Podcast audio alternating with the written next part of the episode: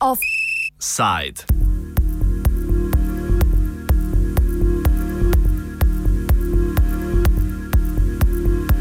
Moj najljubši upravnik.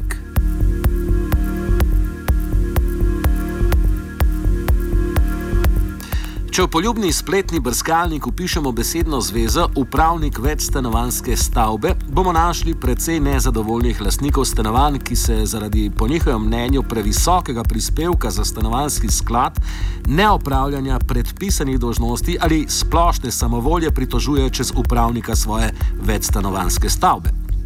Pred kratkim je spor med upravljavcem in etažnimi lastniki zaurel v Štepanskem naselju v Ljubljani. Jabolko spora je energetska obnova stavbe. Precenjenega izvajalca naj bi izbral upravljalec brez soglasja skupnosti etažnih lastnikov. Več nam pove Igor Jurše, stanovalec. Upravnik je brez soglasja nadzornega odbora izbral izvajalca, izvajalec sam je pa pobiral podpise in soglasja za prenovo fasade od vrat do vrat, kar je protizakonito, vsaj po našem mnenju. Te očitke upravnik zavrača, če je to legalno.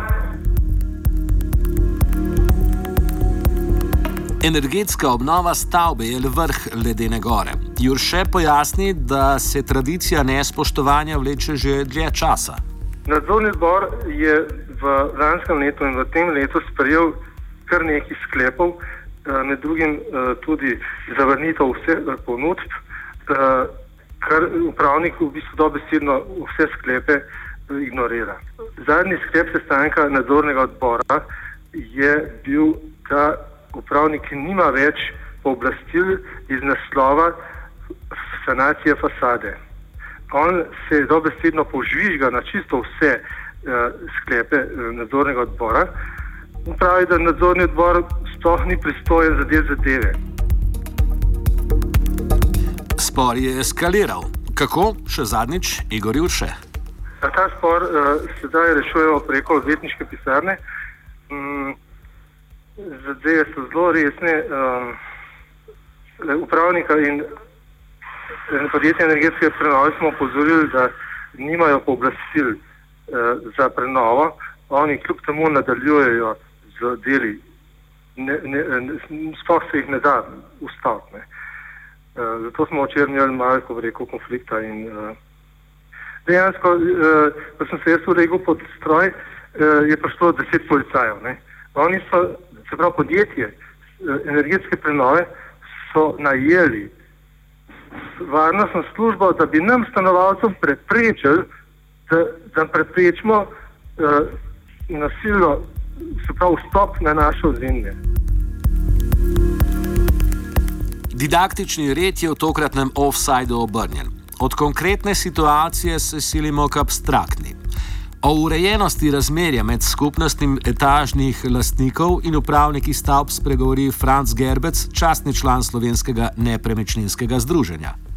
Glede eh, odnosa med nadzornimi organi, ker ne gre za nadzorne svete, ti nadzorni organi se lahko imenujejo različno. Ne, ne?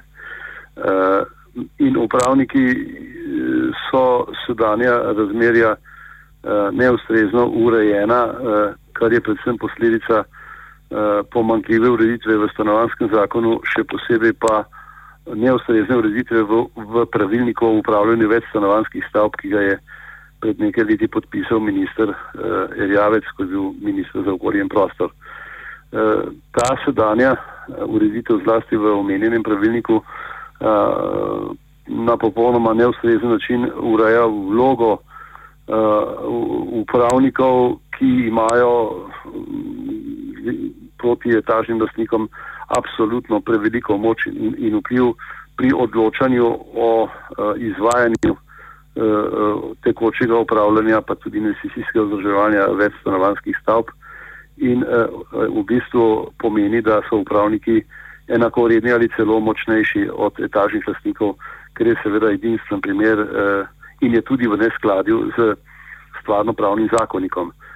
Tako da uh, menim, da je nujno potrebno da se v bližnjih spremembah stanovanskega zakona ta vprašanja uredijo na uh, ustreznejši način, ki bodo zagotavljala, da imajo pravzaprav ključni vpliv na odločanje v vseh teh zadevah etažni lastniki, ne pa upravniki, ki so samo strokovni izvajalci odločitev uh, etažnih lastnikov oziroma njihovih uh, nadzornih organov. Z Gercem se glede pravilnikov strinja tudi Damjan Smonkar, predsednik Društva etažnih lastnikov Velenje.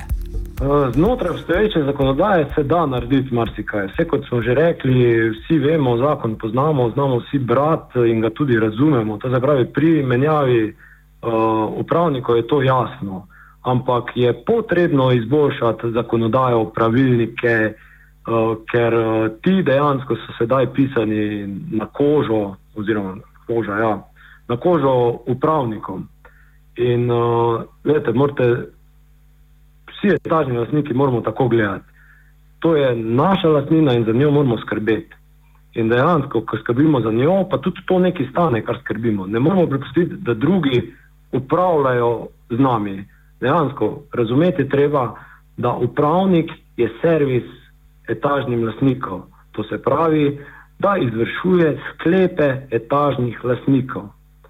In uh, dejansko to bi pa bila potrebna tudi zakonodaja, spremeniti tudi same pravilnike, ker nekateri pravilniki, kot je pravilnik o delitvi toplote, z temi delilniki, ki so jih podali pred, pred leti, ne, so tudi sami ugotovili, da to ni to, kar so si zadali na vladi. In dejansko je treba spremeniti. Ampak to je pa treba vedno spremeniti v dogovoru z, tisti, z nami, uporabniki, ne pa z nekom drugim ali pa z prepisom neke evropske zakonodaje. Treba je smiselno jo vpeljati v slovenski prostor. Franz Gerbec pregovori tudi o razlogih za sprejetje, po njegovem mnenju, protiustavnih pravilnikov o upravljanju stavb.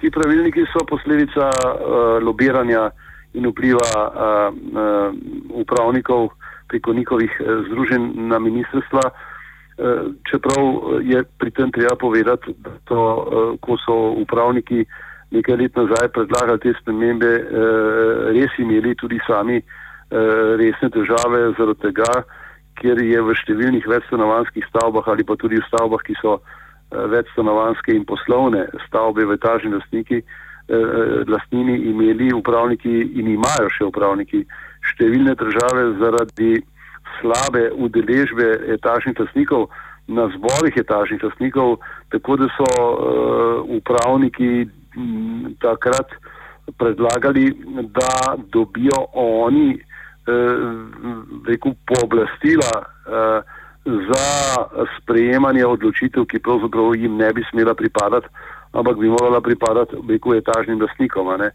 Tako da to je bilo deloma reakcija et, upravnikov na velike težave pri uh, upravljanju zlasti v večjih uh, stanovansko-poslovnih kompleksih, kjer je zelo težko pogosto zbrati na, na, zbor, na sestanek zbora lastnikov uh, vsaj neko ustrezno večino uh, etažnih lastnikov. Je pa to seveda še bolj posledica tudi tega, da v številnih večstanovanskih objektih nimajo sklenjenih pogodb po medsebojnih razmerih etažnih lastnikov po 116. členu stvarno pravnega zakonika. Za ureditev tovrstnih problemov se zauzema vse več državljanov. Poleg društva našega sogovornika, torej Društva etažnih lastnikov Velenje, se ustanavlja tudi Združenje etažnih lastnikov Slovenije. Društvi si prizadevata za spremembo normativnih aktov na stanovanskem področju in širjanje zavedanja, da je upravnike, tako kot mobilne operaterje, možno menjati. Entuzijazem kaže tudi Franz Gerbec. V teh razmerah je pa veliko eh, razveseljivo, da je prišlo, kot sem danes bral v delu, do ustanovitve Združenja etažnih lastnikov, ker menim, da imajo oni eh, legitimno ne samo pravico, ampak da je nujno potrebno, da ta združenja enostavno postanejo glavni akter na tem področju, ker koncev konco gre za njihove interese, za njihove probleme, za njihovo lasnino in da uh, morajo tudi vizavi državnih organov, potem mora to združenje postati eden glavnih akterjev. Več o društvih, ki si prizadevajo za bolj razumno upravljanje z večstanovanskimi stavbami, pove Damjan Smonkar. Naše društvo je dejansko nastalo z enim samim preprostim namenom ozaveščanja etažnih lastnikov, izobraževanje lastnikov, povezovanje lastnikov in tudi prenos uh, dobrih praks, to se pravi, kar se je v eni hiši dobro naredilo in z tem informiranjem in prenos na, na drugo hišo in na tak način se ljudje uh, se povezujejo, si znižajo stroške in dejansko imajo prijetnost bivanja, je boljša. Ne? In uh, to vidimo mi. In na tak način smo se tudi lotili tega društva in vam povem, da je obrodilo sadove. Ne? Današnji offset zaključuje Smonkar. Izpostavi pomembnost in moč samoorganiziranja in usmerjenega delovanja državljanov. Ključnega pomena je, da se ljudje začnejo povezovati med seboj, da se začnejo ustanavljati društva v krajih in začnejo tudi uh, se družiti na ta način ter spodbujati. To pomeni, uh, različni Ljudje v hiši imajo različno strokovno znanje, od prava, računovodstva, strojnega, elektroznanja, organizacijskih znanj. In to je treba izkoristiti. In ljudje se morajo med seboj povezati. In najbolj enostaven način je, da se povežejo v društva. In takšna društva potem s pomočjo prenosa informacij, prenosa dobrih praks, pre, prenašajo na druge, in dejansko, ko bo dovolj društv naprimer, ustanovljenih, je pa treba se povezati uh, v neko zvezo in tudi pridobiti nekega akreditiranega oziroma nekega sogovornika, ki je enakovreden v vladi in takrat se bo naredila prava zakonodaja. Brez tega bo, bo dejansko stanje tako, kot je. Ne ve se tukaj, kdo pije, kdo plača. Problematika terja dober pristop in sistemsko rešitev. Vprašanje pa je, če se bodo tudi ob pripravi novih rešitev moč izogniti vplivom lobijev.